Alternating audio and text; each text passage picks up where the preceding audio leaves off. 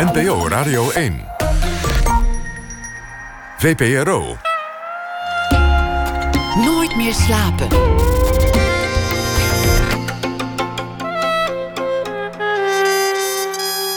Met Esther Naomi Perquin. Goedenacht, welkom terug bij Nooit meer slapen. De documentaire Oasis Supersonic toont de opkomst en glorietijd van Oasis, de Britse band rond de ruziende broers Liam en Noel Gallagher. En na ene hoort u regisseur Matt Whitecross en gitarist en producer J.B. Meijers, met wie we de film bekeken. En 100 portretten van de afgelopen 100 jaar. Uit elk jaar één portret. Na ene komt kunstcriticus Hans ten Hartog Jager langs... die een overzicht van de geportretteerde mens samenstelde. En het resultaat is te zien in Museum de Fundatie in Zwolle... en in de catalogus die daarbij hoort, Zie de Mens. Maar tegenover mij zit nu dichter K. Michel. Hij staat bekend als een volstrekt unieke stem in de Nederlandse poëzie. Altijd grondig, traag, precies, maar met een grote voorliefde voor het fantastische, voor wonderlijke feitjes van internet en flauwe moppen. En in zijn gedichten vinden we dan ook doorlopend paringen plaats tussen wat we weten en wat we vermoeden. K. Michel werd geboren in 1958 en studeerde filosofie in Groningen en Amsterdam. Hij debuteerde in 89 met de dichtbundel Ja, naakt als de sterren. En sindsdien bouwt hij gestaag aan een klein maar wondermooi oeuvre... dat naast poëzie ook verhalen en beschouwingen omvat. Hij won onder meer de VSB Poëzieprijs en de Guido Gezellenprijs. En zijn nieuwste bundel Te voet is het heelal drie dagen ver verscheen onlangs... samen met zijn verzameld werk Speling zoeken. En wie daarin bladert, ziet hoe alles eenmaal tot de juiste zinnen gesmeed, verraderlijk vanzelfsprekend samenvalt. Het absurdistische, het weemoedige, het precies uitgezochte en dat wat zomaar gevonden werd. De wereld spoelt aan en K. Michel schuimt de kustlijn af. Michel, welkom. Hallo. Kun je je daar een beetje in vinden in zo'n uh, in zo'n jutterspositie? Uh, het zijn uh, heel diverse gedichten, zijn ze altijd geweest. Dus je kunt er uh, veel verschillende beschrijvingen op loslaten. En ja, ik zou niet weten welke, welk, welk facet het meest belangrijk is van de diverse dingen die je erover kunt zeggen. Nou, ik moest eraan denken, aan, want ik zat daarover na te denken hoe ik jou zou definiëren. En toen dacht ik, ik vind jou ook echt wel iemand die tussen, tussen de wereld en de poëzie in beweegt. De, de poëzie spoelt aan en jij loopt als een strandjutter een beetje te, te selecteren. En aan die selectie zien we eigenlijk waar je, waar je belangstelling ligt. Uh, ja, ik ben, ik ben iemand die zich uh, verhoudt tot de wereld om me heen. Samen met mijn vrienden en mijn familie. En uh, het meeste speelt zich af tussen mij en de wereld. En ik ben niet zo'n heel introspectieve uh, schrijver. Dus wat, wat er omheen gebeurt, dat, dat vind je terug. Je bent een, een fervent krantenlezer, schat ik in. Uh, ook, ook, maar ik hou ook erg van tijdschriften. En uh, het mooiste is natuurlijk uh, wat je op straat hoort en ziet. Dat, dat, dat viel me trouwens ook op. ik dacht, jij hebt volgens mij heel veel aan supermarkten. Nou, ik ga niet speciaal naar een supermarkt om dingen nou. te horen, maar het, er is veel te zien in een supermarkt. En ehm, er is sowieso veel te zien op straat. Dat, je hoeft niet echt je best te doen om iets te zien eerlijk gezegd. Nou ja, in, in, in supermarkten had ik, ik heb daar altijd heel veel plezier met uh, afgeluisterde gesprekken bijvoorbeeld. Dus een veel betere plek nog dan de trein. Oh, Vooral uh, tussen echtparen. Nou ja, in supermarkten moet je heel vaak uh, in de rij staan voor de kassa. En daar hoor je van alles. En daar gebeurt ook van alles. Dus, maar zelf, als je aan het rondlopen bent in de supermarkt, dat valt er wel mee. Dan is iedereen druk bezig. Maar wat voor dingen vallen jou dan op? Wat noteer je? Wat, wat neem je dan mee naar zo'n supermarktbezoek? Ik was vanmiddag in de supermarkt, ik zal niet zeggen welke, maar daar uh, was, ontstond voor de zoveelste keer weer gesodemieter in de rij, omdat mensen voor wilden dringen. En toen dacht ik, goh, waarom gebeurt dat altijd in deze supermarkt en niet in die andere?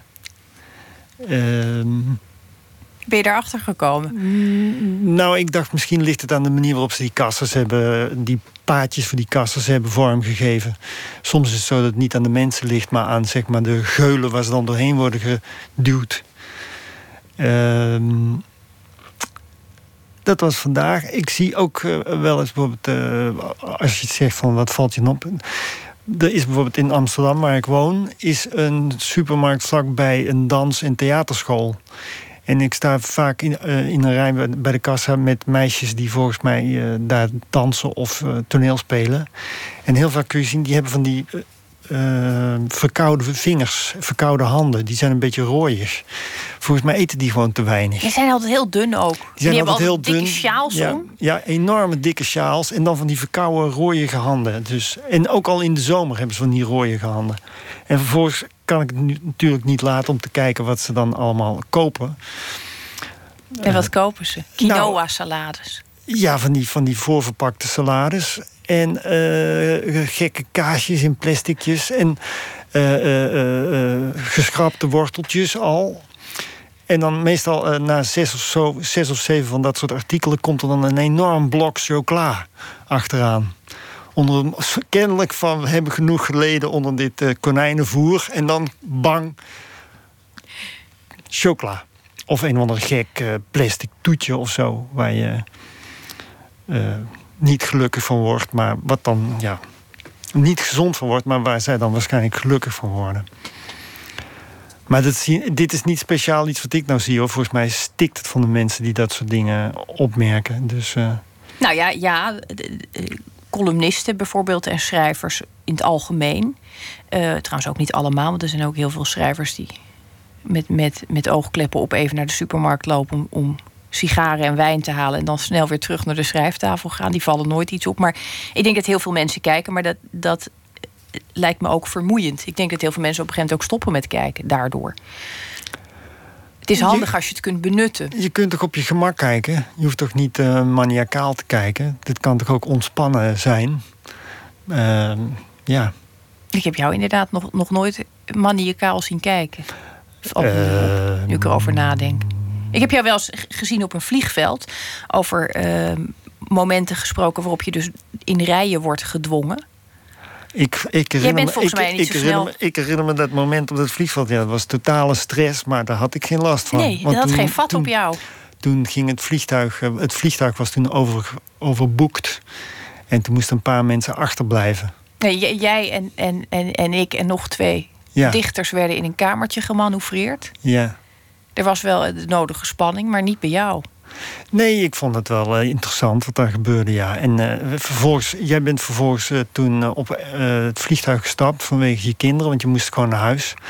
Dat was prima. En toen zijn ik en Rob Schouten, die achterbleven, wij zijn toen nog het hele vliegveld doorgeloodst, omdat we weer terug moesten. En toen zijn we buitengewoon fascinerende plek binnengegaan. Een plek waar je je vlucht moest her herboeken. herboeken of zoiets. En dat was echt de hel op aarde, want daar waren allemaal mensen die hun vlucht hadden gemist, of die om een of andere stupiditeit hadden uitgehaald, of waar, waar gewoon iets fout was gegaan. En die mensen waren ten einde raad en die stonden er echt te krijsen. En die dit lui, was in Istanbul. Dit was in de... Istanbul, ja. En de lui die achter die balie zaten, die waren dus volkomen platgeslagen eh, door al, al die heftige emoties. En die waren regelmatig verdwenen ze ook achter een schot en uh, kwamen ze pas weer na een tijdje terug. Maar dat was, dat, dat, daar viel heel veel te zien. Ik dacht, Jezus Christus, als je hier werkt, dan ben je binnen drie weken dood. Dus. Uh... Nou ja, ook, ook dat kreeg dus geen vat op. Je zegt, ik vind het interessant. Nou ja, het, het, was ook wel, het was ook wel akelig, want er waren een paar mensen die op een gegeven moment wilden gaan knokken en zo. Maar, uh, maar niet met jou? Nee, niet met mij, maar wel met die lui achter de balie. Knok jij überhaupt wel eens eigenlijk? Daar ben ik toch veel te oud voor. Heb je wel eens geknokt? Ja hoor, vroeger wel, op de, op de lagere school, de middelbare school, ja. Dan sloeg je erop? Ik was, niet, ik was er niet goed in, maar ik liep er niet voor weg. Waarom, waarom werd er dan geknokt, weet je dat nog? Geen idee. Uh, jongensdingen. Knikkers. Onbegrijpelijke jongensdingen. Ik, ik, weet, ik weet het niet meer. En je kijkt ook alsof je het nu met terugwerkende kracht eigenlijk nog steeds niet begrijpt. Wat voor jongensdingen ja, dat daar. zijn van die, van die gekke uh, oplaaiende ruzies. Dat zie je in het verkeer ook voortdurend. En worden mensen ineens heel erg razend over iets kleins. Meestal heeft het dan een voorgeschiedenis en dan ontploft iemand ergens over. Dus, uh... Maar goed, het, het, ontploffen, het maniacale, het uh, meegezogen worden in de agressie in een rij, dat zit allemaal niet zo ontzettend in je systeem. Nee, dat is ook, het is ook ontzettend akelig, al die boze mensen.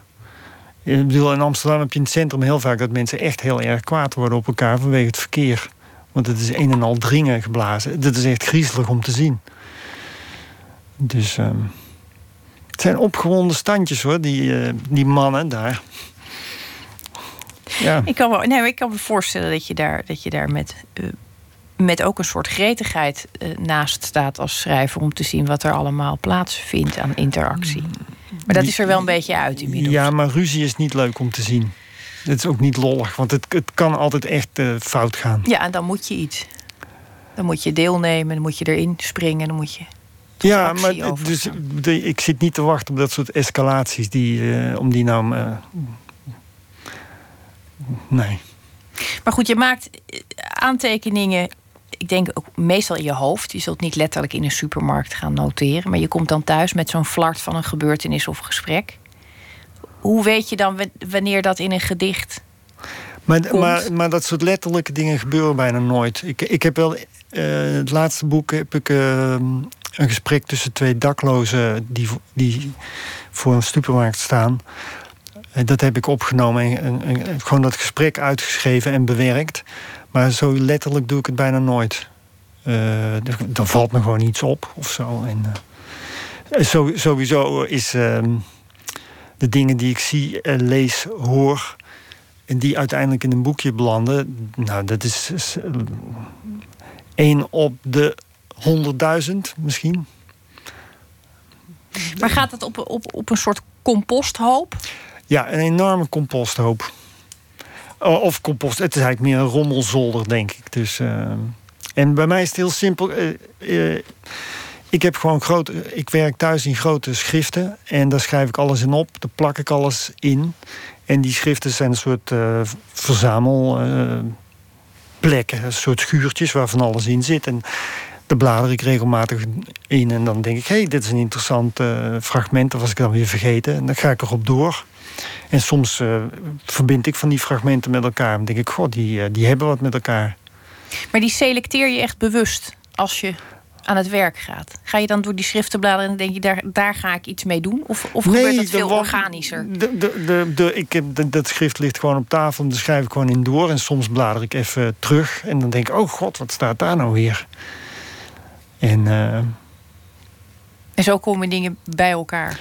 Ja, zo komen dingen bij elkaar. En er zijn heel veel, ik heb heel veel van die schriften. Dus eigenlijk heel. Uh, er komt weinig van in die bundels terecht. Maar dat is eigenlijk wel de, de composthoop, zoals je dat noemt.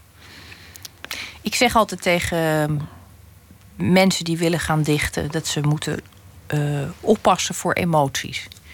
Dus ik altijd schrijf nou niet onder invloed van emoties, want dat is een beetje alsof je met een paar borrels op de weg op gaat. En dan lijkt het allemaal lekker soepel te gaan. En dan kijk je om en dan zie je dat de weg bezaaid is met lijken. Ben jij een, een, dichter die dat kan als je onder invloed van verdriet of verliefdheid of elke andere ontregelende emotie, kun je dan nog werken?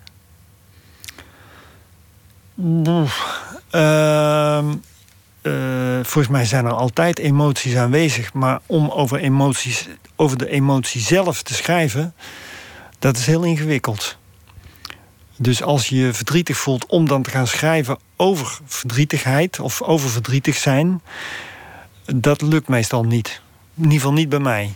Dus ik kan, ik kan als ik verdrietig ben, kan ik wel uh, de energie van het verdrietig zijn gebruiken om. Uh, over uh, de treurigheid van het zemen van ramen of het, uh, het dweilen van enorme lange schoolgangen te schrijven. Maar dan heb ik het niet over dat verdriet zelf. Dan, dan gebruik je de energie om iets anders te doen. Dus om iets anders te beschrijven. En dan, dan, dan kan het nuttig zijn. Maar als je, als je je verdrietig voelt en je gaat opschrijven... ik voel me verdrietig, oh, oh, oh. Dat, dat, ja, hoe, dat wil niet. Dat is te direct. Nou ja, en het vertroebelt je blik ook ontzettend, denk ik. Als je zelf verdrietig bent en je gaat, omdat je daar zelf helemaal in zit, heb je het idee dat het gedicht aan alle kanten lekt van de emotie. Terwijl de meeste mensen die dat zullen lezen, laten denken: gewoon wat een ontzettende vanzelfsprekende, algemene. Ja, waarschijnlijk, ja, zeker. Ja, maar je hebt het ook met kwaadheid natuurlijk. Dus uh, kwaadheid ook, dit schiet ook niet op. Ja, ik heb nog nooit geprobeerd om kwaad een gedicht te schrijven, eerlijk gezegd. Oh, ik wel, hoor, maar dat gaat dan meestal bij mij over de politiek of dat soort dingen, of over onrecht. Maar dat, dan kom je niet verder dan. Ik kom dan niet verder dan een soort eh, fijne tekst op een spandoek of zo. En, eh, of op een t-shirt. Dus. Waar, waar, waar bijvoorbeeld was je boos om de laatste keer dat je. Waar was ik niet boos over? Bedoel, Er zijn zoveel rare dingen aan de gang. De, dit hele riedeltje, moet ik dat gaan opnemen? Er is enorm veel vervuiling. Het gaat niet goed met de natuur, de ecologie. Er is Nou heel ja, veel iets, iets, onrecht. een specifieker voorbeeld dan, het, dan het riedeltje. Oh, ehm ja. Dus, nou, ik weet niet eens waar ik moet beginnen. Trump. Dat werkt altijd. Daar doen we het zwijgen toe. Dat is wel zo. Dat, het is wel welletjes. Daar kan je je niet boos om maken. Het is wel welletjes. Dit, is, dit, dit houdt niet op. Dus eh, dat is, eh, laten we zeggen, zoeken ze maar uit in Amerika. Ik ben het zat. Het klinkt toch alsof je er ooit wel boos over hebt Ik gemaakt. ben daar nog steeds boos over. Maar ik bedoel, en iedereen heeft het de hele tijd over Trump. Dit houdt niet meer op, die man. Dat is één grote... We zijn met z'n allen een soort hamsters die zo'n wiel in, eh, eh, draaiende houden. Dat vind ik wel een heel mooi beeld. Nou, Vrees ik. ja, Zitten we dan ook weer mee opgescheept? Dat we daar weer een mooi beeld van over hebben gehouden. ja. Jij hebt filosofie gestudeerd. Ehm, best lang. En ik dacht, dat is een, eh, ook een beetje een studie voor mensen die nog niet weten wat ze willen worden. Precies. En het is ook een studie voor mensen die denken: kom, dan mag ik lekker overal aan ruiken. Dan kan ik me met alle andere vakken bemoeien, want het is een beetje van alles. Dat is ook zo. Zo was je ook. Je kwam van school en je, je had een, een brede belangstelling. Ja, zoiets. Zoiets. Je had geen, geen richting. Je wist nog niet welke kant je opviel. Nee, en ik, ik, ik ben ontzettend nieuwsgierig. eh, dus eh, het leek me eigenlijk wel mooi eh, dat je dan alle kanten op kon. En in die tijd, eh, wa- ik had helemaal geen beroepsperspectief. Daar dacht ik helemaal niet over na. Maar je verhuisde dus als. eh, weet je, je, je, je was nog eh, natuurlijk best jong. Je ging naar Groningen, wat toch een beetje een bandeloze stad is. Ze hebben geen sluitingstijden in Groningen, bijvoorbeeld. Niks van gemerkt. Nee? Nee, maar ik was, na de middelbare school heb ik ook nog een hele tijd in Londen gezeten. Dan was ik een tijdje ober. Dus ik ging, Ontbijtober. Ja, ik ging niet direct naar Groningen. Ik vind naar Londen vertrekken na de middelbare school eigenlijk nog enger. Het lijkt me heel dat was helemaal niet je eng over het hoor. water gaat. Dat was helemaal niet eng. Je vond het niet eng. Nee, nee, nee, was niet eng. Groningen was ook helemaal niet eng. Groningen is een leuke stad. Dus eh, Maar eh, om terug te keren naar Londen, waarom werd je daar ontbijtober? En wat doet een ontbijtober eigenlijk? Doe je, deed je alleen ontbijt? Ik deed alleen ontbijt. Ja, en ik was daar omdat een goede vriend van mij daar naartoe was vertrokken. En eh, ik dacht, kom, dat, eh, die was ook ontbijt over. Ik denk, kom, dat is, dat is nou eens iets interessants. Dus eh, ik ben gewoon bij hem en zijn vriendin in huis gaan wonen. Er was nog een kamer over. En vervolgens ging ik ja, om, ontbijten serveren in hotels, diverse hotels. Had je een strikje? Of een Ik, dasje? ik had een strik, ja. En ik had een strik. Dat heet een Dickie Bow. Eh, die had ik voor een paar pond gekocht op de markt. Als een arbeidsinvestering. Nou, dat moest. Je moest zo'n ding hebben. Niet een das, maar een strik. Want kijk, met een das is het lastig operen. Want dat hangt natuurlijk overal in. Dus... eh, en ik heb ook nog in de roomservice gewerkt. Dus 's ochtends vroeg. Van, eh, Dan het? bracht je eten. Ja, dan moest je eh, ontbijt aan bij mensen in de kamer brengen. Ik geloof van half zeven tot half elf of zo. Het lijkt me voor een nieuwsgierige geest ook een hele bevredigende taak.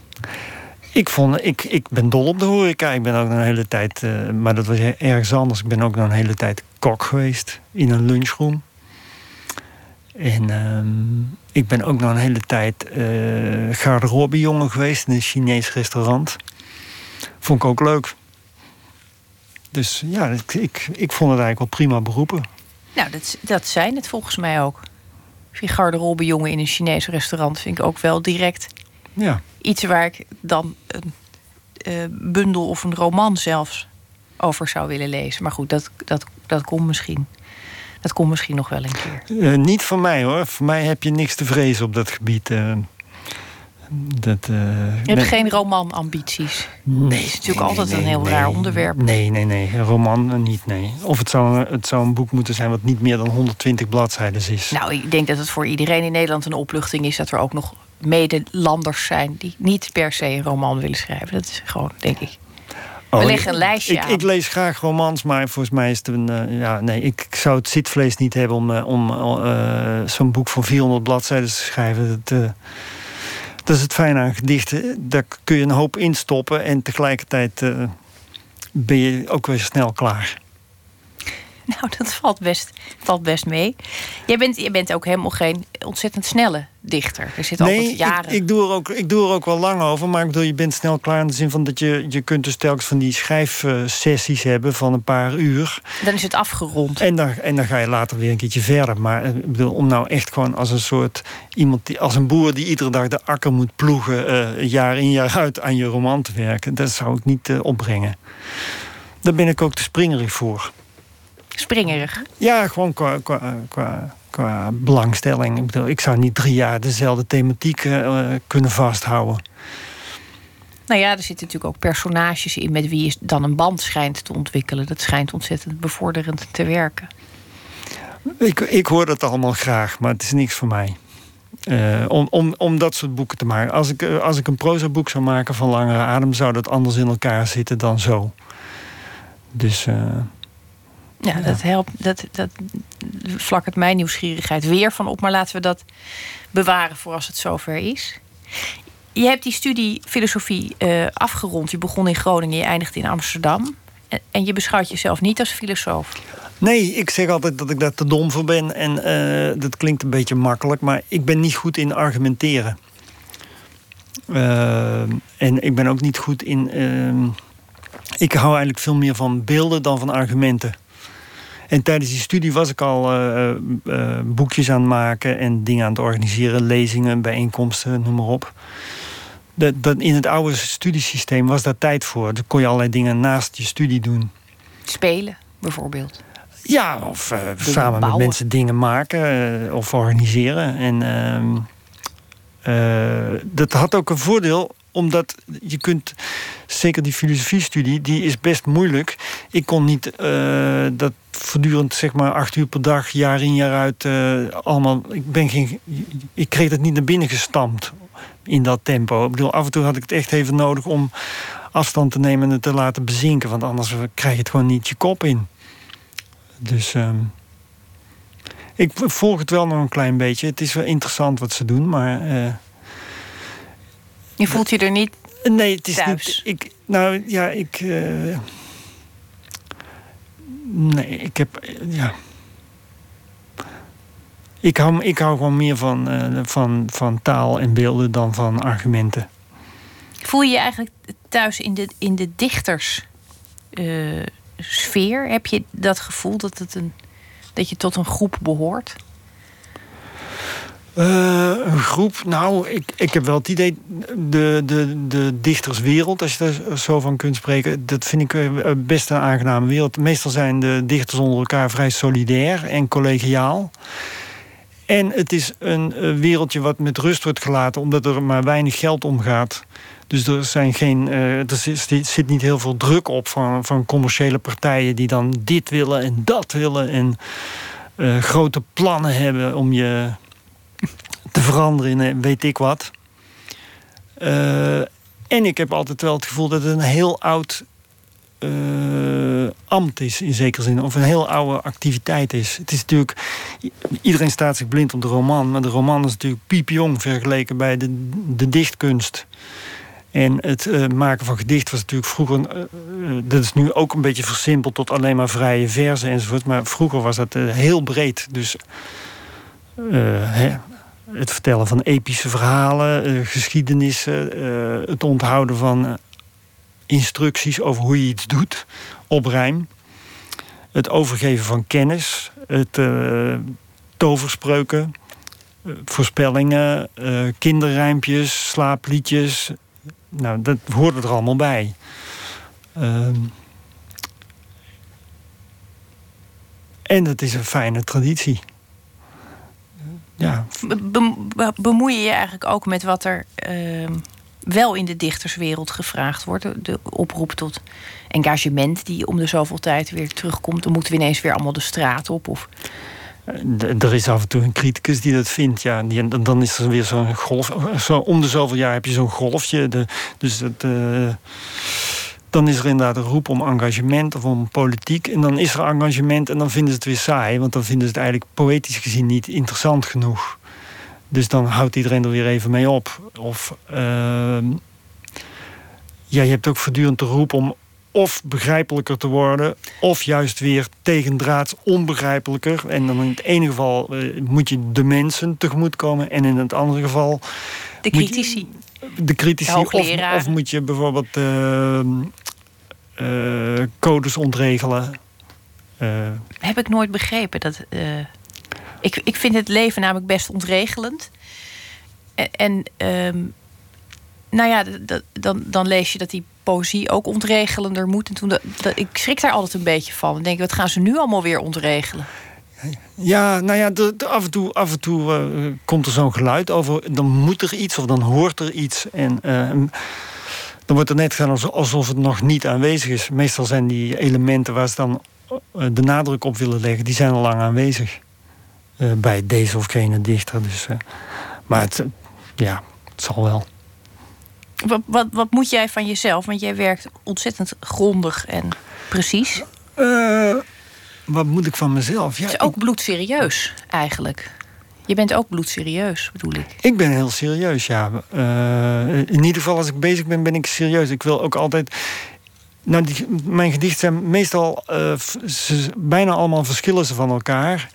En dat is omdat ik telkens met iets begin waarvan ik denk: van, hé, hey, dat zou grappig zijn om uit te proberen. En dan ben ik eh, vertrokken. En dan probeer ik het gewoon tot een goed einde te brengen. En eh, de ene keer is het omdat ik denk: van wat zou het zijn om een douchelied te schrijven. Je noemt iets een douchelied. Nou, dat is al krankjorum. Want eh, wie, wie, hè, dat is niet, bijna niet serieus te nemen. En denk ik, nou, hoe kan ik een douchelied maken? Dan ga ik dat verzinnen. Of proberen. En de andere keer denk ik van, hoe kan ik iets maken met alleen maar vragen erin? Of ik denk, eh, eh, uit ergernis denk ik dan van... iedereen heeft voortdurend een mening. Het stikt van de meningen, wordt doodziek van de meningen. Hoe kan ik iets terugdoen tegen de meningen? En dan kom ik naar een beetje puzzelen uit op eh, meningen. worden altijd geformuleerd in zinnen met het werkwoord hebben erin.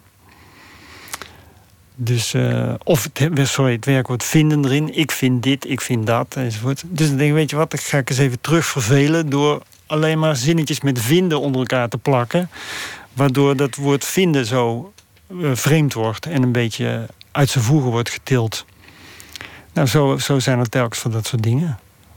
Eh, of ik kom eh, tegen waar het boekje, dit nieuwste boekje mee begint. eh, ik kom voortdurend van die idiote feiten tegen. Want op internet en op, in de televisie, op de televisie worden voortdurend het serieuze nieuws wordt voortdurend afgewisseld met ehm, malle, leuke berichten, pepernoten. Dus dan vind ik ineens dat ik daar wat mee moet doen. Omdat ik aan de ene kant die pepernoten vervelend vind. En aan de andere kant vind ik ze eigenlijk ook weer heel erg leuk.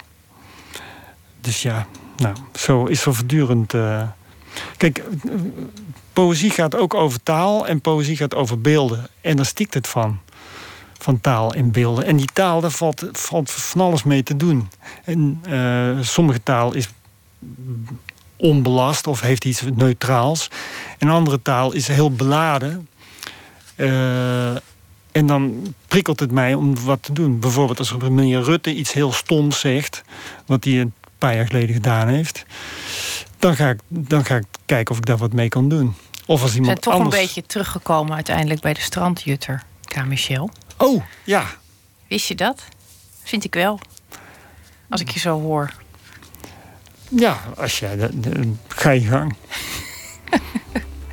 Dankjewel dat je er was. En ehm, eh, we hadden het over te voet is het heelal drie dagen ver. En over alle andere dingen eigenlijk hebben we het ook gehad. Dankjewel. Nooit meer slapen luistert u waarschijnlijk via de radio, maar dat kan ook met een podcast. Dan kunt u op onze website even nalezen. Straks gaan we het hebben over Wiener, de documentaire over de ondergang van een politicus. Dat en meer na het nieuws van 1 uur. Op Radio 1, het nieuws van alle kanten.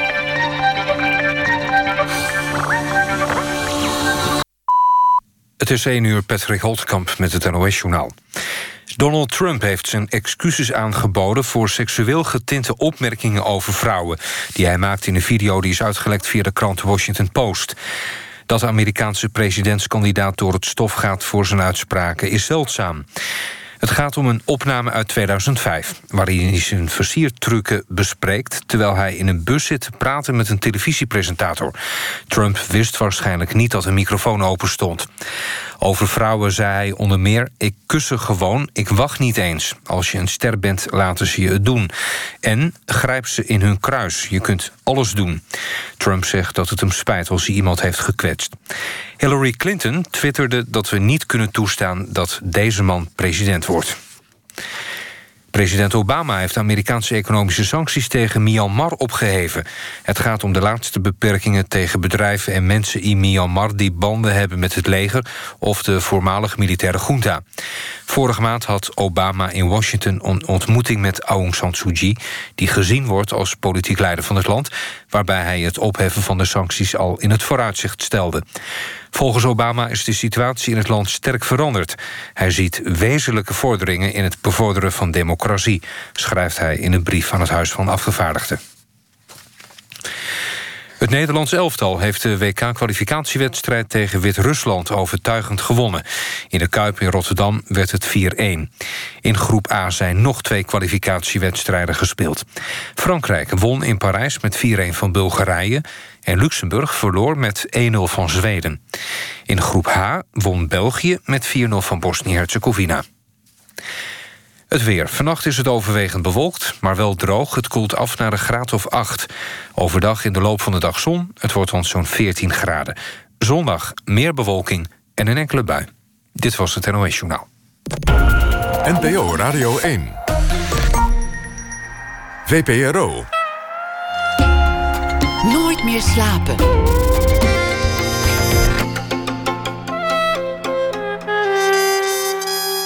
Met Esther Naomi Perquin.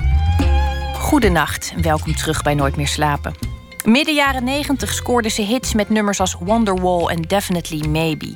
De succesvolle beginperiode van de Britse band Oasis is nu vastgelegd in de documentaire Oasis Supersonic. Straks hoort u onder meer regisseur Matt Whitecross over de magie van die begintijd. En kunstcriticus Hans den Hartog-Jager komt dit uur langs. Hij is samensteller van de tentoonstelling Zie de Mens in Museum de Fundatie in Zwolle, waarvoor hij 100 portretten uit de afgelopen 100 jaar selecteerde. Maar we beginnen natuurlijk met proza bij het nieuws van de afgelopen dag. Deze week verzorgd door de in Amsterdam woonachtige Vlaamse schrijver Ivo Victoria. Hij schreef onder meer Gelukkig zijn we machteloos en Dieven van vuur. En voor januari is zijn nieuwe roman Billy en Sepp aangekondigd. Ivo, goedenacht. Goedenacht, Esther. Ik heb me intens op je verheugd, dat begrijp je. En Ja. je wekker heeft ook nog gewerkt, want je bent er. Zeker, dat doet me goed te horen. Eh, ja, nee, ik ben er. eh, alive and kicking. Ehm, we gaan het hebben over, over vandaag, toch? Ja, we gaan het zeker hebben over vandaag. Ja, we konden natuurlijk niet ehm, voorbij, eh, tenminste ik niet, aan de uitspraken van premier Rutte. Vandaag in het AD, waarin hij zegt ehm, dat immigranten van de derde generatie... en hij doelde me nadrukkelijk op Turkse en Marokkaanse immigranten... dat, dat als die zich eh, hier niet lekker voelen in Nederland... dat ze dan misschien zich moeten afvragen of ze hier moeten blijven. Hetgeen een beleefde manier is om te zeggen, eh, rot op. En ik voel me altijd een beetje eh, aangesproken door dat soort teksten. Want zoals je weet, en zoals je net ook al heel netjes zei, ben ik een immigrant. Dat ben je. Ja, ben ik gewoon eerste generatie Belg. En ehm, ik woon hier nu 15 jaar. Ik werk hier en betaal netjes belasting. eh, maar ik hoor er niet helemaal bij, want ik mag niet stemmen, want ik heb geen Nederlands eh, paspoort. En deze mensen, derde generatie Turken Marokkanen, hebben over het algemeen gewoon een Nederlands paspoort. Dus volgens mij horen zij erbij. En betaal ik van mijn belastingsgeld mensen zoals premier Rutte om eventuele problemen op te lossen. Toch? Dat klinkt aannemelijk, ja. Ja, ja. Oké, fijn. Nou, mijn verhaaltje gaat er verder uh, helemaal niet zo heel erg over. Uh, het gaat eigenlijk gewoon over uh, mijn eerste dag in Nederland. Ik ga naar je luisteren. Op 27 mei 2002 meldde ik mij bij de vreemdelingenpolitie in Slotervaart. Ik kon mij inschrijven, zei ik bij de receptie. Ik kreeg een nummertje en nam plaats op een bank in een gang met allemaal identieke kantoortjes. Houten deuren met daarnaast een raam, waardoor je een glimp opving van wat er binnen gebeurde. Koppels met kinderen, mannen alleen, vrouwen met hoofddoeken. Na een half uur mocht ik zo'n kantoortje binnen. Er zat een vrouw achter glas. Hoe bent u het land binnengekomen? vroeg ze. Ik bracht een ondefinieerbaar geluid uit. Ze nam er een landkaart van Nederland bij en wees naar een stippellijn onder Breda. Via de zuidgrens? Ja, zei ik. Via de zuidgrens. En plots was het me duidelijk. Ik was in het buitenland. Daarna verliep het leven zoals je dat kan verwachten. Huis, werk, kinderen. Ik kocht een friteuse en bak nog steeds eens per week frieten. Mijn Franse vrouw vond een Franse slager op de Albert Kuip, tot ons grote geluk. En wanneer het Nederlandse elftal een doelpunt tegenkreeg, juichte ik niet, uit beleefdheid. Nog niet zo lang geleden fietste ik met mijn oudste dochter naar huis. Op het pleintje stonden jongens van Marokkaanse afkomst te voetballen. Wat doen die jongens eigenlijk in ons land? vroeg mijn dochter. zei ik. Die jongens zijn Nederlandser dan jij. Dit leidde tot een enorme woedeuitbarsting. Kortom, de integratie verliep perfect terwijl mijn vaderland langzaam maar zeker naar de verdoemenis ging. Straks vertelt opa Victoria zijn derde generatie kleinkinderen over een land dat België heette. Terwijl de premier van Nederland blijft herhalen dat wij hier slechts te gast zijn. Dat is prima. Ik zie er de romantiek wel van in. Om mijn oude dag te slijten als een soort stateloze ex-Jugoslaaf. Op 21 juli drapeer ik de nationale driekleur over de rugleuning van mijn rolstoel. En bij elke aankoop in de winkel zal ik onverstoorbaar naar de prijs vragen in Belgische franken.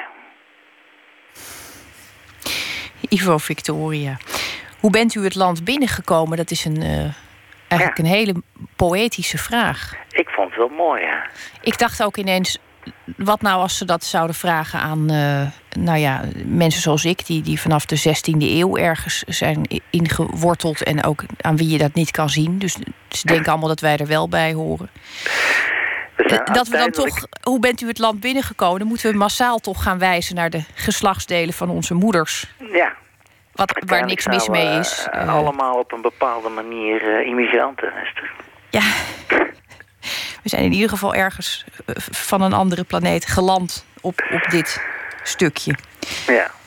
Um, Ivo, dank je wel voor deze week. En ik, uh, ik wens je zonder enige spot natuurlijk een ontzettend goede nachtrust. Dank je wel. Tot gauw. Ja, zeker. Dag. Dag.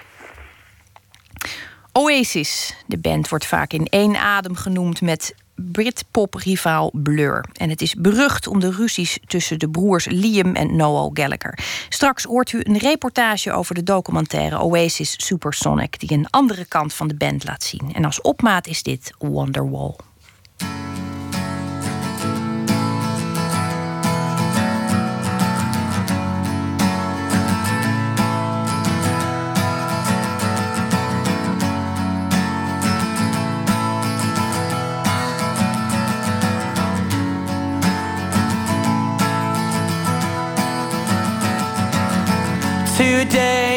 Be the day that they're gonna throw it back to you. By now, you should have somehow realized what you gotta do. I don't believe that anybody feels the way I do about you now.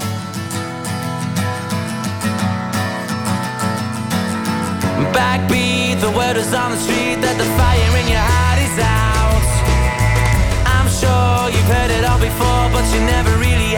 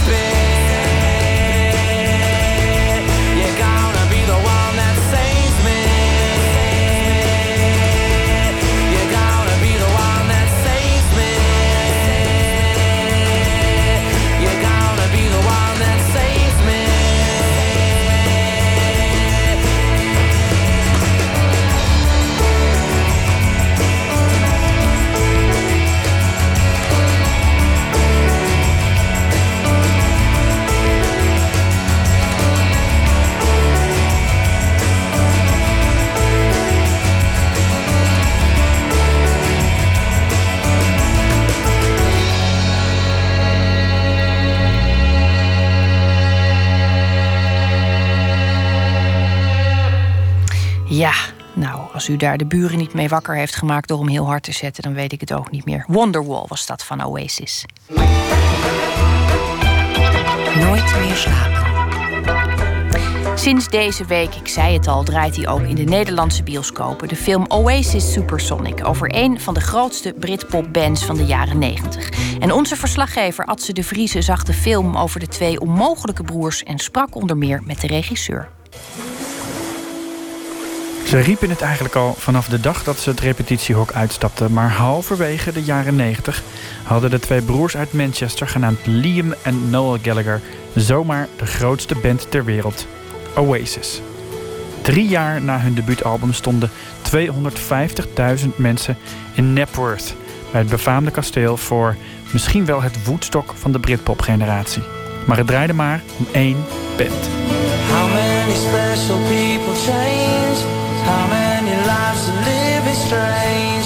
Where were you while we were getting high? Die shows in Napworth zijn de climax van de grote documentaire Supersonic.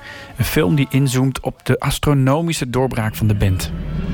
In three years, Oasis will have gone from being a new signing to one of rock's true giants. What happened to you in those three years? So it's a big question. It is a big question. And it deserves a big answer. We're just lads from a council estate.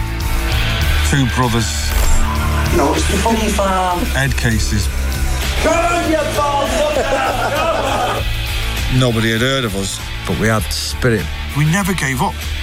One night, everything changed. Regisseur Matt Whitecross was in de jaren 90 nog gewoon een fan van Oasis. Hij stond bij die concerten tussen de vriendengroepen, waar bier gegooid werd, waar vriendschappen versterkt werden en waar uit volle borst die nummers meegezongen werden. Hij zegt over die tijd. They were coming out of the grunge era and the dance era. Grunge was all about you know, I, it's, the Kurt Cobain philosophy. I hate, my, hate myself and want to die. It was very negative. It was had a great energy to it, and the songs were amazing. But it was very, it was um, very bleak. And then you had dance music, which was a reaction against rock and was very euphoric.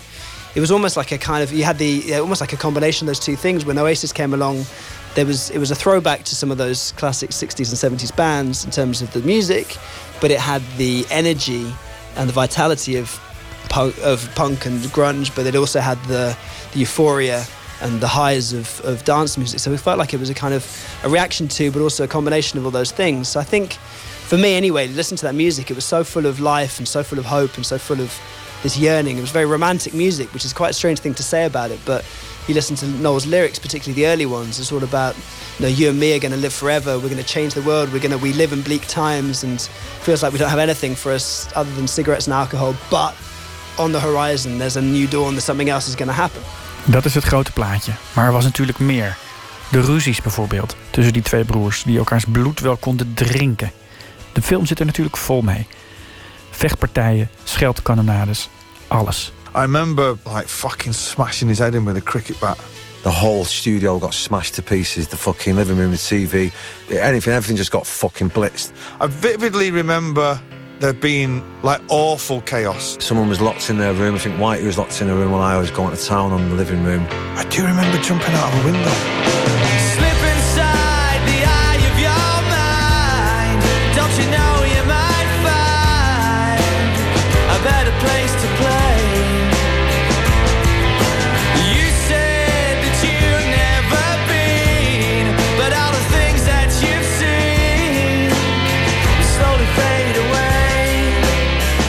Whitecross laat zijn film stoppen na Napworth. En dat terwijl er nog een hele carrière volgde. Met albums, tours, ruzies. Maar de film gaat dan ook niet alleen over de vraag hoe een band in zo'n korte tijd zo groot kon worden, maar vooral ook over de vraag waarom is het zo moeilijk die magie uit de beginjaren vol te houden? Een vraag die eigenlijk geldt voor iedere band. Dat weet ook J.B. Meijer, bekend van onder andere de Common Linnets en de Dijk en nog heel veel andere bands, maar vooral een echte overlever in de Nederlandse popmuziek. Het begint, zegt hij, bij heel goed beseffen wie je bent en wat je kan. Ik denk dat daar wel een soort sleutel in zit. Dat Noel zich realiseert van luister, kijk, ik kan best een keer Liam op zijn eh, bek slaan, maar met een cricketbed op zijn kop gaat het misschien een beetje te ver. En vice versa, dat hij met een vuilnishammer op zijn nieuwe Land Rover. Weet je, daar, daar, daar ga je een soort grens over. Maar kijk, het ding is natuurlijk wel, kijk, er zijn, zijn een aantal verschillen. Als je in een repetitieruimte zit en je gaat s'avonds naar huis en je hebt gek muziek gemaakt met de mensen waarmee je bent. Dat is één ding. Vervolgens de studio ingaan om dat op te nemen. Dat is een ander ding. Dan kan je ook s'avonds naar huis en uh, klagen tegen je vrouw. Maar op het moment, en dat is natuurlijk waar het ook heel erg gruwelijk misging. Als, als jij met, met, laten we zeggen, een man of tien in een tourbus gaat zitten... dan wordt het een ander verhaal. Want dan gaat het namelijk ook over uh, uh, wie zijn muziek te hard zet... of wie zijn onderbroeken niet opruimt... of wie al het bier opdrinkt en geen nieuw koopt, bij wijze van spreken. I guess one of the, the, the dilemmas uh, that we explore in the film is that, you know, is it about the music? Is it about the attitude? Is it about the behavior? Is it about the frontman's charisma? What is, what is it that makes a band? It's all of those things. You have that small window where people, you have a kind of vitality and energy people want to be part of and, and capture. And then there's inevitably a reaction to it because music's so instantaneous and so of the moment. And there's no point in spending six years in the studio because by the time you come out with this great album, then things have moved on. So it's, it's very, very fast in that way.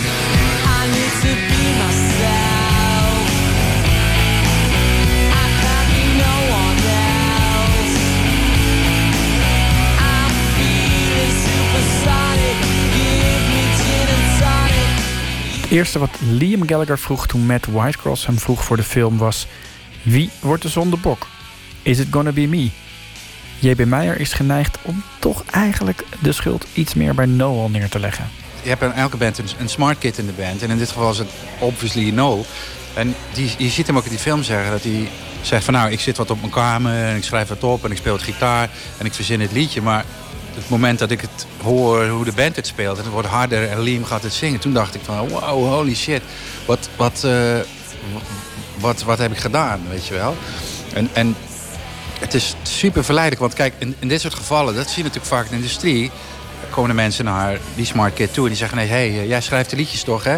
Ja, hier heb je wat geld, weet je wel. Dus dan ineens, je krijgt twee, tweespalt, omdat die gast die de liedjes schrijft, die krijgt ineens een voorschot. Die kan ineens een auto kopen, een huisje en dat zijn ook allemaal dingen en die zie je ook bij Oasis gebeuren natuurlijk. Dat Noel is vele malen rijker dan Liam en dat zit eh, onze arme Liam niet, niet glad natuurlijk. Dat zie je ook gewoon. Dat je ook denkt... Ik zag ook weer gisteren op Facebook voorbij komen... dat Liam van... eh zegt Liam... eh, Oké, jij bent hier op de première van die documentaire. eh, is Noel er? Nee, Noel die zit in eh, een van zijn ongelooflijk, ongelooflijk, ongelooflijk grote huizen tofu te eten... terwijl hij een facial krijgt. How is that for a man of the people? Ik echt wel... Dacht van ja, Liam heeft gewoon ook heel vaak gelijk of zo. Dat is wel heel grappig. I've never met anyone who is who embodies as many contradictions. You know, when we were talking about uh, Blur versus Oasis, you know, he was like, "I hate those guys. You know, I really I wanted them all to die." But on the other hand, you know, they're just normal people, so I don't I don't care. But I do, and I hate them still. You know, and he would say that all as one sentence. I found that absolutely fascinating. Het explodeerde dus. Dat was onvermijdelijk. Misschien wel vanaf de dag dat Oasis opgericht werd. En toch lijkt het er gek genoeg zeven jaar later helemaal niet op dat de band echt verdwenen is. Liam maakt zijn broer nog steeds uit voor rotte vis. En elke maand staat er in de Britse pers wel weer een artikel over de vraag: gaan ze weer bij elkaar komen? But definitely, I mean, the, the, it's, a, it's a funny thing, isn't it? Because people, even everyone's talking about wanting to get them back together, it's like they've never split up in the sense that you know the, the albums are still being released. You know, they've just released the third album again. There's still like uh, novelty acts that uh, you know, kind of Oasis impersonators who are still keeping the flame alive. So I, I think, in a lot of people's minds, especially a lot of kind of early fans, the band haven't split up. They're just on a sabbatical. They kind of they've gone away on holiday for a few years. and They're going to come back. You know, I think everyone hopes and expects that one day they'll make things up and, and patch things together again and, and, and tour again. So Ergens in de film zegt Bonehead, de gitarist van de band... we hadden misschien wel na Napworth van het podium af moeten stappen... moeten zeggen tegen al die mensen... thank you, we were Oasis... en moeten verdwijnen. Maar dat gebeurde natuurlijk niet. En de sleutel daartoe ligt in wat Noel Gallagher zegt over zijn eigen muziek. Hij zegt, die liedjes die waren eigenlijk niet zo bijzonder. We hadden ze alleen maar geschreven, hoefden er verder niks meer voor te doen. Nee, het was de manier waarop ze teruggezongen werden. De manier waarop mensen met die liedjes aan de haal gingen. Dat was het verslavende element en dat zien we nog steeds terug. Als je nu Noel Gallagher ziet optreden op Lowlands afgelopen zomer, zie je nog steeds de magie van een nummer als Don't Look Back in Anger. I do miss the spirit of Oasis. I miss that rock and roll behavior. You knew that every time Liam stepped out of his house, something was going to happen. You know, back in the day when the Stones went out, you knew there was going to be incident. When the Pistols went out, there was going to be trouble. And I don't really feel that anymore. I think with musicians now, they're all very sensible and professional, and they write beautiful music. But I quite like the behavior as well.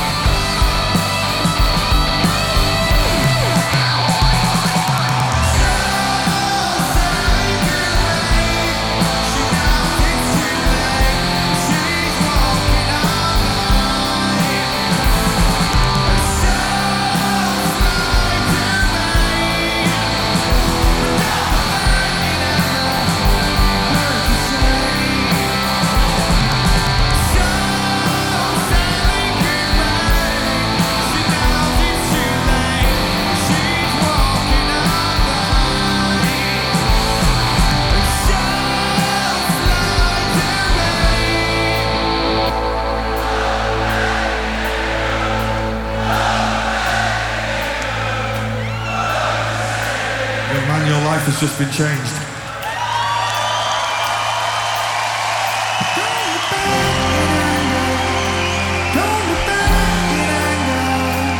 I love you more. I heard you say. You very much.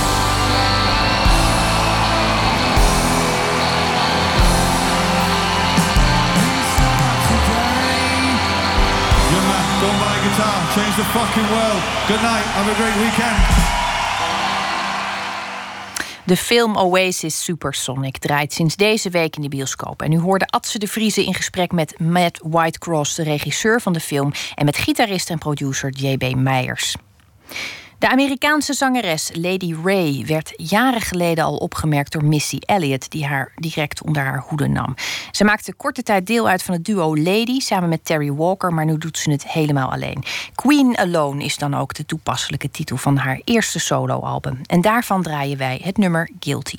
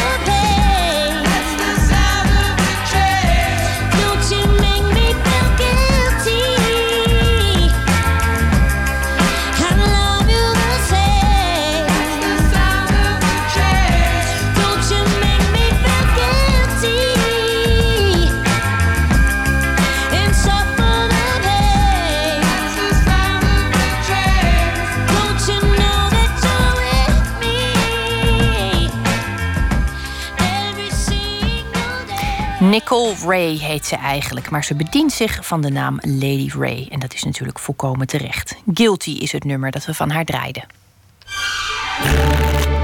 Open kaart. In onze rubriek Open Kaart trekt de gast kaarten uit een bak met 150 vragen over werk en leven. En deze keer doen we dat met kunstcriticus Hans den Hartog Jager. Eerder stelde hij voor Museum de Fundatie in Zwolle de tentoonstellingen Meer Licht en Meer Macht samen. Maar dit keer stelde hij de mens centraal. En daarvoor selecteerde hij 100 portretten uit de afgelopen 100 jaar. Uit elk jaar wordt één portret geselecteerd en bij elk portret schreef hij een artikel van 600 woorden. Het boek en de tentoonstelling heette Zie de Mens. 100 jaar, 100 gezichten. En is nu te bezichtigen in Museum de Fundatie in Zwolle. Hans den Hartog Jager. Fijn dat je er bent. Dank je. Er ligt hier een verrukkelijk boek op tafel. Heel Eh, fijn, ja. Want dat is het. 100 gezichten, 100 artikelen daarbij geschreven. Ze zijn ook bijna allemaal spannend. Dank je, daar ga jij over, niet ik. Nee, dat, ik ben blij dat ik daar ook eens een keer over mag gaan. over zulke dingen. Die 100 gezichten, dat is natuurlijk een hele nare vraag om te stellen. Maar zit er één gezicht bij dat je, waar je echt het meest je zinnen op had gezet? Of waar je het meest voor hebt moeten knokken om dat gezicht erbij te halen? Mm, dat is niet een hele rare vraag. Het is niet zo makkelijk te beantwoorden alleen. Want er zijn gezichten die we er heel graag bij wilden hebben... maar die we gewoon niet hebben gekregen. Dus daar heb ik heel hard voor geknokt, maar het is mislukt. Maar dat is een negatief antwoord. De meeste zijn juist heel goed gegaan. En dan gaat het toch vaak over de kanonnen. eh, de Brancusi, de Picasso, de Bacon, de Kokoschka. Daar, daar ben ik heel erg blij mee. Dat zijn vaak hele bijzondere werken. Heel... eh, en ook echt heel mooi. Vaak wordt het een beetje name dropping. Oh, kijk eens wat we hebben. Maar die Picasso bijvoorbeeld. Dat, we hadden contact met het Picasso Museum in Parijs. Die hebben het altijd heel druk en die lenen heel veel uit. Ehm, en op een gegeven moment suggereerden ze dat deze wel interessant kon zijn. En toen was ik nog een beetje bokkig van wil ik deze wel hebben? Ik wil eigenlijk een Picasso die ik meteen als een Picasso herken. Maar deze is geweldig. Hij is heel raar. Hij is een beetje wild. Hij is heel kleurrijk. Met veel ronde vormen ook. En het is uiteindelijk een portret, een geheim portret van Picasso's minnares Marie-Thérèse. Dat schilderde die. Hij was getrouwd met Olga, verliefd op deze Wulpse dame.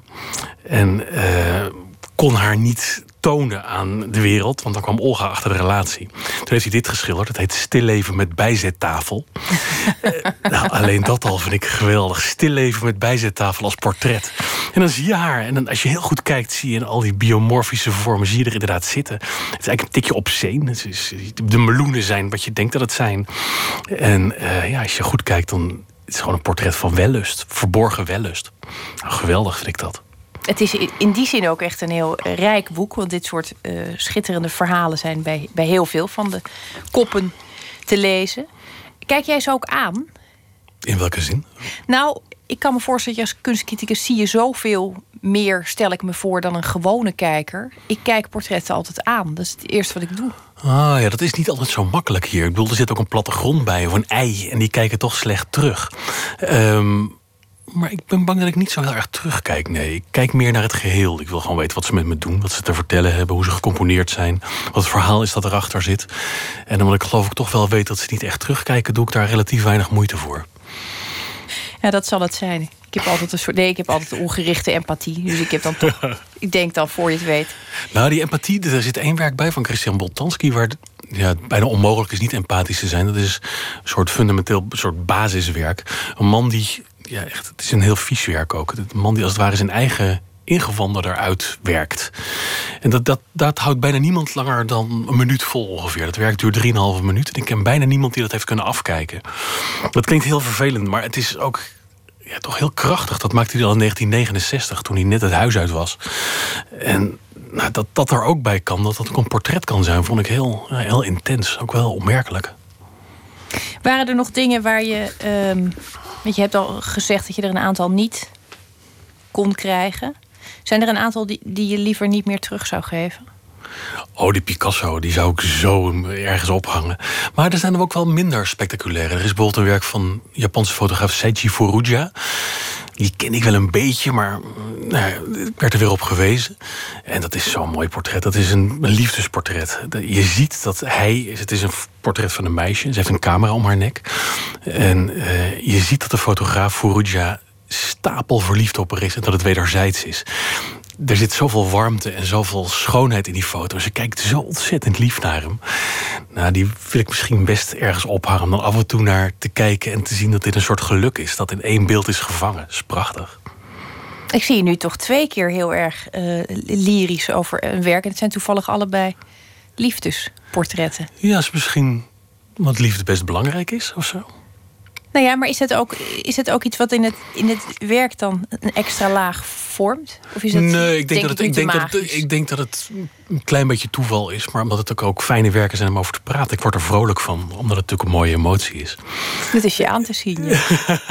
Ja, misschien speelt dat wel.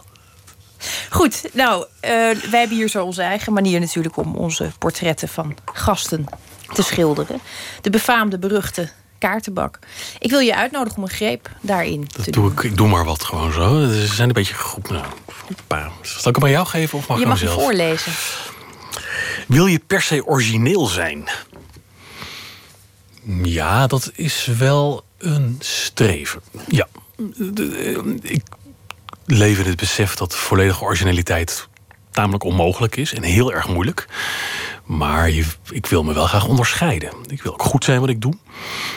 Ik ben wel trots op deze tentoonstelling. Dat zeg ik toch, het is te makkelijk. Maar toen we eraan begonnen, zeiden heel veel mensen tegen me: dat kan niet. Dat haal je niet. 100 werken, precies telkens één het één jaar, één persoon, dat gaat mis. Je gaat vast een paar jaar missen. En toen dacht ik: nee, maar dat gaan we doen. Dat gaat lukken. We gaan het echt proberen. En mensen in het museum werkten geweldig mee. En dat was toch wel een vorm van originaliteit, denk ik. Dat ik me wil bewijzen, dat ik wil laten zien dat ik het kan. En dat ik iets kan wat anderen misschien wel niet kunnen. Dat komt er zeker uit naar voren, ja. Nou, het vraagt ook altijd van iemand dat je bereid bent om, om eh, jezelf voor gek te zetten. Je, je stelt ook altijd iets in de waagschaal. Op het moment dat je bedenkt, ik ga dat anders doen. Ik, ik roei tegen de stroom in. Dat is wel waar. Ik, heb, ik ben mijn schrijfcarrière ooit begonnen. Eh, Eerst wat kleine blaadjes en toen ging ik stage lopen bij het toenmalige HP De Tijd, dat toen nog net gefuseerd was. En toen ging ik eh, werken voor Jim Lamoré, dat is een journalist, criticus. Mensen kennen hem denk ik wel. En ik was nog wat bleu en wat angstig ook wel. Wat en die was heel onorthodox. Daar heb ik heel erg veel aan gehad. Die gooide overal de beuken. Die deed alles vanaf een andere kant. Dat was precies wat ik op dat moment nodig had. Die heeft me wel geleerd dat dat verstandig is. Dat het niet te braaf in het pad lopen. Dat je er heel veel aan kunt hebben. Omdat dingen er leuker van worden. Maar je ook meer mogelijkheden krijgt. Omdat je je onderscheidt. Dat, dat is een hele belangrijke les voor mij geweest. Ik denk dat ik dat zonder hem misschien pas heel laat had ontdekt. Of misschien niet zo snel had durven zien. Dat is goed om zo iemand tegen te komen. Het, is een, het lijkt me zelfs vrij cru- cruciaal. Ja, was heel belangrijk. Kan ik niet ontkennen. Ga je gang, neem er nog een. Kun je goed relativeren? Ja, dat is natuurlijk een onmogelijke vraag. Dat weet je toch niet van jezelf? Ik, ik, ik denk van mezelf dat ik redelijk kan relativeren, maar niet alles. Ik- het gekke met relativeren is dat ik het vooral kan als ik het zelf ook graag wil. Maar als ik het nog liever wil, dan lukt het niet meer. Dat, eh, dat moet je me even uitleggen. nou, op het moment dat er een soort spanning is die het allerliefst zou relativeren, de hoogste spanning, de meest intense spanning, dan kun je dat vaak heel moeilijk relativeren, omdat die zo groot is. Terwijl het op dat moment juist nodig is. En op het moment dat het iets eenvoudiger is, als het over kleinere dingen gaat, dan relativeer ik dat wel, zoals iedereen. Maar dan, is de, dan, is de, dan staat er ook niet zoveel op het spel. Maar wanneer heb, je- heb je recent zo'n moment gehad van de hoogste spanning waarbij er veel op het spel staat? Nee, dan denk je misschien dat het weer over tentoonstellingen gaat, maar dat ging eigenlijk allemaal wel goed. Dus daar heb ik helemaal niet zo. Daar heb ik helemaal niet. Ach, natuurlijk was ik wel zenuwachtig toen. De, de, erve Diane Arbus drie dagen, twee dagen voordat de catalogus naar de drukker moest, nog steeds geen toestemming had gegeven. Maar toch heb ik alsmaar gezegd: nou, dat komt wel goed. Het kwam ook goed. En, nee, nou, om het iets ernstiger te maken, ik ben twee dagen geleden naar Tonio geweest. De film naar het boek van AFT van naar Heide. Daar spelen wel dingen die niet leuk meer zijn. Die, gaan, die kun je niet meer relativeren. De dood van, je, van een kind. Ik weet vrij zeker dat ik daar weinig aan te relativeren zou hebben. Dat zijn de ernstigste dingen in het leven. En nou ja, je gaat nu ook een beetje sip kijken meteen. Dat zijn de, toch de, de, de, de ernstige dingen. En daar weet ik wel zeker van dat daar verdomd weinig aan te relativeren is. Ja, dat is denk ik dat is buiten bereik Ja. van de relatieve. En dat was wel indringend aan die film ook. Dat, dat, zo, dat, dat komt hard aan. Goeie film. Hoe, hoe kom je dan thuis na zoiets? Een beetje, een beetje klein. Een beetje, een beetje naar binnen gekeerd. Schouders een beetje zo naar voren en een beetje piekerig. Daarna was nog een leuk, een leuk feestje en dat was ook heel aangenaam.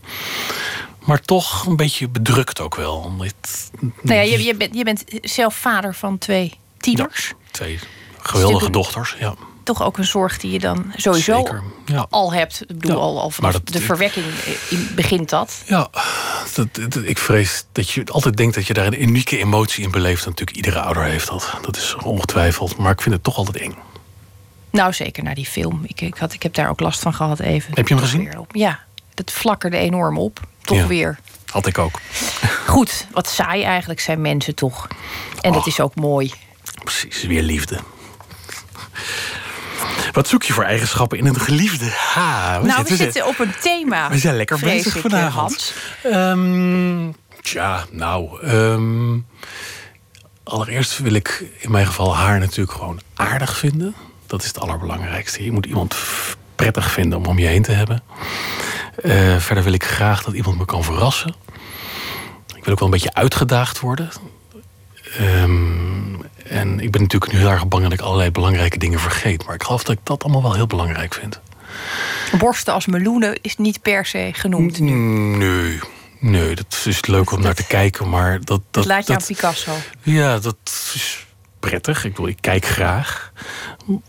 Maar ik ben geloof ik niet van de school dat ik geloof dat dat het grote geluk oplevert. Ik wil wel graag het leuk vinden om naar mijn geliefde te kijken. En dat lukt heel goed. Heel goed. Maar dat is niet het eerste wat ik zou noemen, nee. Nou, daar zijn we je ook heel dankbaar voor. Namens alle vrouwen die niet beschikken over meloenen. Nou, ik heb niks te klagen over eh, het uiterlijk van mijn geliefde hoor. Maar toch, het is niet wat ik het eerste zoek, nee. Ik ga maar door, hè? Ja, je gaat door. Jeetje, wanneer wist je dat je dit werk wilde doen? Ehm, dat wist ik eigenlijk vrij precies zo tussen mijn 18 en mijn 20ste. Dat vind ik echt verbijsterend. Hoezo? Nou ja, dat iemand schrijver wil worden, dat, dat snap ik wel. Maar ik heb nog nooit iemand horen zeggen... eh, tandarts, kunstcriticus of recensent. Dat zijn nou drie dingen die je eigenlijk nooit hoort. Tandarts van jonge niet? mensen. Nee, ik heb nog nooit iemand tandarts. de, de, de, de, Ze zijn er wel. de inschrijvingen bij, op 18-jarigen bij tandheelkundelijsten zijn toch ellenlang? Ja, misschien had ik ze niet in mijn omgeving. Of waren ze te beschaamd om het te bekennen. Nee, maar ik wilde schrijven. Ik denk dat ik niet meteen dacht dat ik kunstcriticus ging worden. Maar mijn eerste stukken waren wel stukken in de schoolkrant over popmuziek. Inderdaad, dan ging ik naar Pinkpop en dan ging ik daarover schrijven. Dat R.E.M. best een leuk bandje was, weet ik nog wel. Toen waren ze net aan het doorbreken. Eh, maar ik- inderdaad, ik had al snel door dat ik zelf niks kon maken in beeldend opzicht. En die, die ambitie had ik helemaal niet. En ik wist niet zeker of ik romans wilde gaan schrijven of wat dan ook. Ik heb twee romans geschreven ook. Dus dat heb ik ook nog gedaan. Dus het was wel heel erg schrijven. Maar dat schrijven is zo fijn. En dat had ik al heel snel door. Lekker tikken. Ik was helemaal, ik was helemaal thuis. Dus ik ben in... Toen ik studeerde ben ik al vrij snel blaadjes oprichten. En dan heel veel schrijven. En maar meters maken. En maar doorgaan. Ik word, ik word er nog steeds echt heel blij van. Ik vind het ook nooit erg. Ik ben nu 48. En als ik 's ochtends weer naar mijn studio ga om eh, te werken, om te schrijven, dan, dan heb ik er altijd zin in. Vind ik nooit erg. Ik denk nooit, oeh, een writersblok of straks lukt het niet. En lekker tikken. dus dat is, dat, ik heb wel gevonden waar ik, waar, wat ik graag wil doen, ja. Je bent ook volgens mij de meest montere auteur die ik ooit aan tafel heb gehad in dit opzicht. Dat, dit- Ja, Zijn het allemaal van die sombermansen? nou ja, er zit natuurlijk de, dat is ook een beetje de romantiek die er omheen hangt. De, kwelling, Ja, heb ik geen last van. het heilige moeten. Nee, heb ik helemaal geen last van. Ik, ik vind het ook dit boek, eh, dat zie je wel, dat, dat is met plezier geschreven. Ik ga lekker lezen en dan, dan mag ik schrijven. Dan kan ik lekker doen wat ik wil, mijn eigen wereldje daar. En dat is het leuke ook. Als je het, welke was die andere vraag ook alweer? Of ik eh, origineel wilde zijn. Dat haakt wel bij elkaar aan en mag. Daarom vind ik schrijven over beeldende kunst ook leuk. Ik ben een tijd literatuurcriticus geweest. Want ik ben Neerlandicus officieel. Dat vond ik helemaal niet leuk, want het was altijd taal in taal omzetten. Verhalen in goede, grote verhalen in kleine rotverhaaltjes omzetten.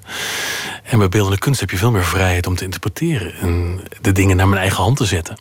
Veel leuker. Dus ik kon daar veel meer mijn eigen dingen in doen. Dus dat paste veel beter bij me. We gaan dat de komende tijd eh, niet alleen lezen, we gaan dat ook bekijken. Hartelijk dank voor je komst naar de studio, Hans ten Hartog Jager. En ik vermeld nog even dat de tentoonstelling Zie de Mens 100 jaar 100 gezichten tot en met 17 januari te zien is in de Fundatie in Zwolle. En het bijbehorende boek is uitgegeven bij uitgeverij Atheneum. We gaan nog iets eh, draaien over eh, kinderen gesproken. We gaan er iets draaien van Skeleton Tree, het nieuwe album van de Australische muzikant Nick Cave. En wij gaan luisteren naar het titelnummer Skeleton Tree.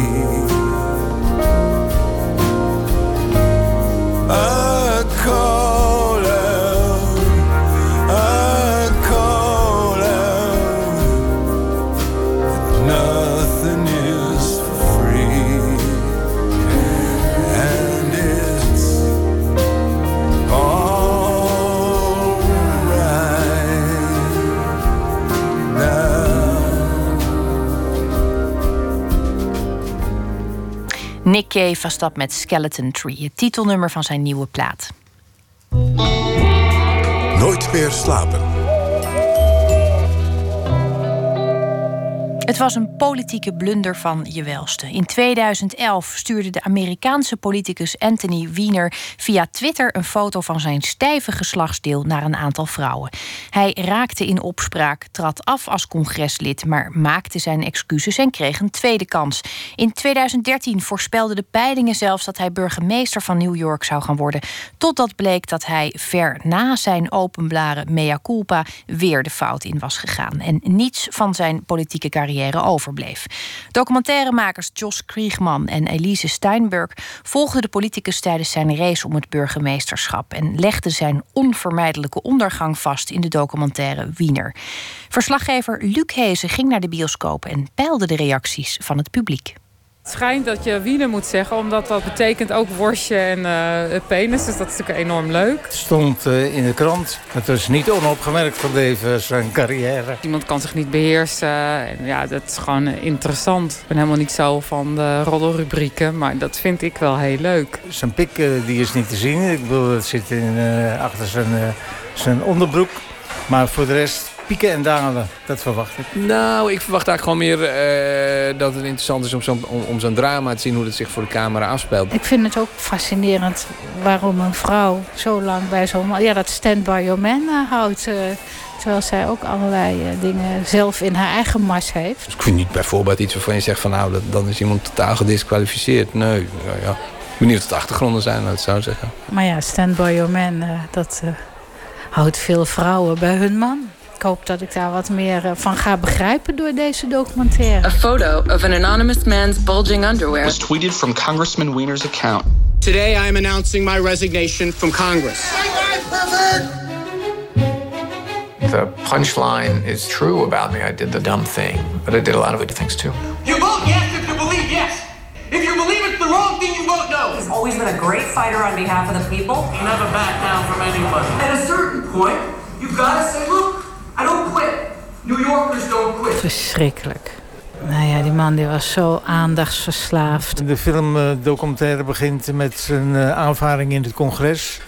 Dan vind ik hem al zo over de top. En dan doet hij me meteen eh, denken aan Trump. Schreeuwlelijk. Ja, hij kon zich niet verbinden met zijn eigen vrouw niet. Dat vond ik heel treurig om te zien eigenlijk. Dus hij probeerde het nog maar de hele tijd. Hij wordt af en toe uitgemaakt voor een narcist. Dat vind ik eigenlijk wel uh, typerend. Hij zocht de hele tijd de publiciteit. En de hele tijd maar zeggen... Ja, ik heb fouten gemaakt. Ik heb domme dingen gedaan. Oh, oh, oh, oh, dacht ik. Man, ga iets anders doen. Hij heeft een duidelijke missie. Hij wil burgemeester van New York worden. Hij staat vooraan in de peilingen tot hij achtervolgd wordt door de dame met wie hij uh, seksgesprekken heeft gehad. Die maakt zich bekend en uh, op die manier uh, daalt hij in de peilingen. Zo iemand kan ook nooit, vind ik, burgemeester van een stad worden. En, helemaal niet al van New York. En daar ben ik ook wel blij om, dat mensen dat dan toch ook wel inzien. Hè? Dus die New Yorkers. Vakkundig gemaakte documentaire, maar ehm, ik vond het allemaal zeer ontluisterend. Dus dit, dit is de werkelijkheid. Hè? Zo kunnen mensen in elkaar zitten. Het was een documentaire over een real human being. Het was geen verhaaltje, geen fictie. Dat heeft me geraakt, inderdaad. Het laatste stukje miste ik, uh, wat we nu al weten. Hè, de, dat hij dan weer in de fout gaat. Dat hebben we natuurlijk allemaal gelezen in de, in de krant. Typeert hem dus een soort van in zijn, zijn gedrevenheid, maar ook onbeheerstheid. Ja, ik vond een hele goede film. Ja, wel een uh, heel bevlogen iemand, maar iemand met een zwak. Zo zie je dat die man zijn, om zijn politieke ondergang... tegelijk ook zijn gezin meesleept daarin eigenlijk. Nou, dat is... Uh, hard om te zien, hard maar interessant. Elke persoon die er toe doet, die met een boodschap heeft, die moet eigenlijk ook een beetje narcistisch of zelfs uh, psychopaat zijn. Dus, en dat zie je bij hem heel goed terug. Maar je blijft ook zien dat hij wel dit echt heel goed kan en ook wel wil. En uh, ja, dat, vind, dat vind ik een mooi, uh, hele mooie boodschap aan deze film. Vier ballen. Drie. Vier en een half. Drie. Nou, ik vind de film heeft me ook wel geraakt. Een vier. Ja, pikant detail bij deze documentaire is dat de hoofdpersoon Anthony Weiner tot een maand geleden getrouwd was met Huba Albedin. Al twintig jaar een van de belangrijkste medewerkers van Hillary Clinton. En hun scheiding, naar aanleiding van nog een sexting-schandaal, was koren op de molen van Donald Trump. Die vond het onvoorzichtig van Clinton dat ze Weiner zo lang in de buurt van geheime informatie had getolereerd. Muziek nu na al dat vlees uit de wereldberoemde visserstad Volendam. Een dorp is het eigenlijk, maar laten we dat vanavond even een beetje opschalen. Dandelion is de band rond de broers Frank en Paul Bond. En van hun eerste album Everest is dit nummer Call Me a Stranger.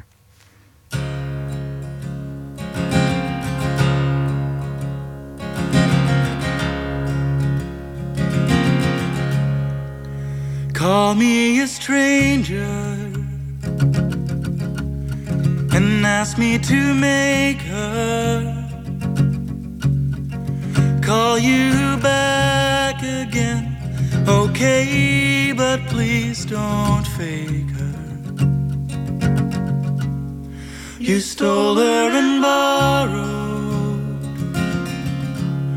the dream she had sorrowed. And then when the night fell, she would cry into her pillow. Call me a stranger and ask me to make her call you back again. Okay, but please don't fake her. Na na na.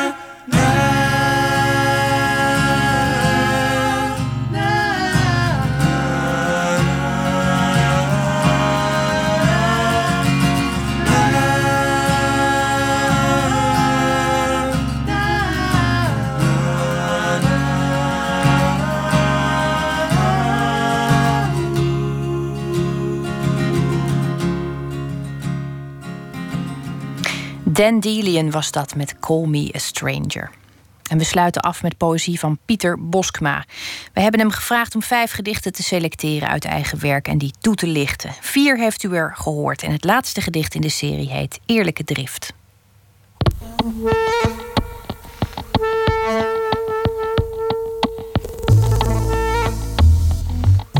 Dit gedicht, Eerlijke Drift, is een beetje een uh, grimmig gedicht. Niet ieder gedicht ontstaat uit lyrische vervoering of algemeen enthousiasme voor een bepaald onderwerp. Soms ontstaat het uit ergernis of woede. En dat laatste overkwam mij bij dit nogal grimmige gedicht. Geschreven nadat drie bevriende dichters kozen voor de dood. Bij iemands zelfgekozen dood word je overvallen door gemengde gevoelens. Verdriet, ontzetting, gemis, maar ook kwaadheid. Hoe kan hij of zij ons dit aandoen? Maar wie eerlijk is, voelt bij een sterfgeval ook altijd, hoe kort ook, een gevoel van opluchting en zelfs triomf. Ik ben er gelukkig nog. Een levensdrift die ons ondanks alles door doet gaan. En het vreemde is dat wanneer je een gedicht schrijft over een zwaar of naar onderwerp zoals dit, je toch steeds een sensatie van trots en voldoening hebt wanneer het gedicht in jouw ogen geslaagd is. Dit soort gevoelens van triomf en voldoening, oog in oog met een sterfgeval, klinken misschien raar of zelfs verwerpelijk, maar het is wel de waarheid. En een dichter moet, wat er ook gebeurt, altijd eerlijk zijn. Eerlijke drift. In ruim een half jaar tijd verloor ik drie bevriende dichters aan een zelfgekozen dood. Begin april. Het waait en het regent en ik blijf maar denken dat zo'n weersgesteldheid iets betekent. De hemel woedend is of de elementen zich uit droefheid roeren. Toch bloeien in het dorp overal de tulpenbomen, dus ook daar moet ik, consequent, iets achter zoeken. Het komt wel goed. Met nieuwe bloemen bouwen wij een mausoleum voor de dood. En wij, achterblijvers met ons kolossale schuldgevoel, onze even sombere als gallige gezichten, onze lach omdat wij leven, die vreemd opgewonden sensatie van triomf over de gevallenen. Zij wel, maar wij nog lekker niet. Door de bossen rennend, langs de duinen buitelend. Onze vrouwen duchtig bezwangerd op het strand.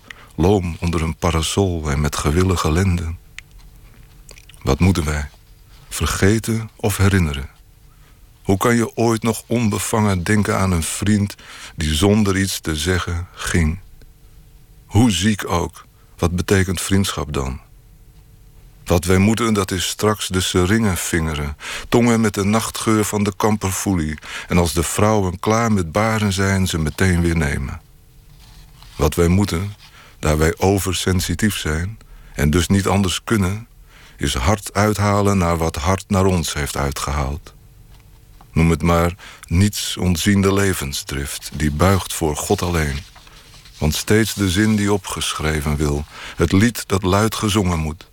En de deemoed in ons diepste die begrijpt waarom hij heersen mag. Onder zijn bewind wordt het kwade reeds vergeven voor het is begaan.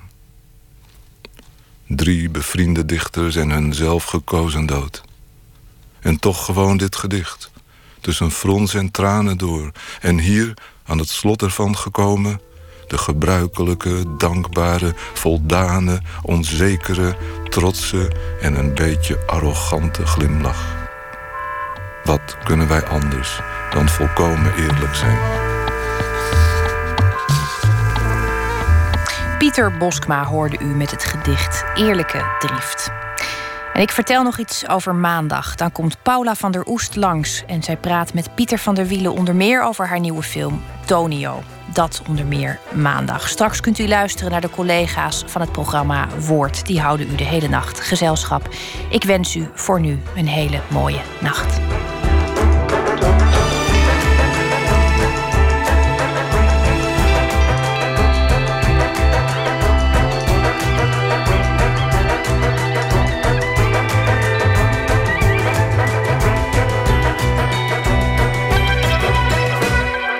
Radio 1, het nieuws van alle kanten.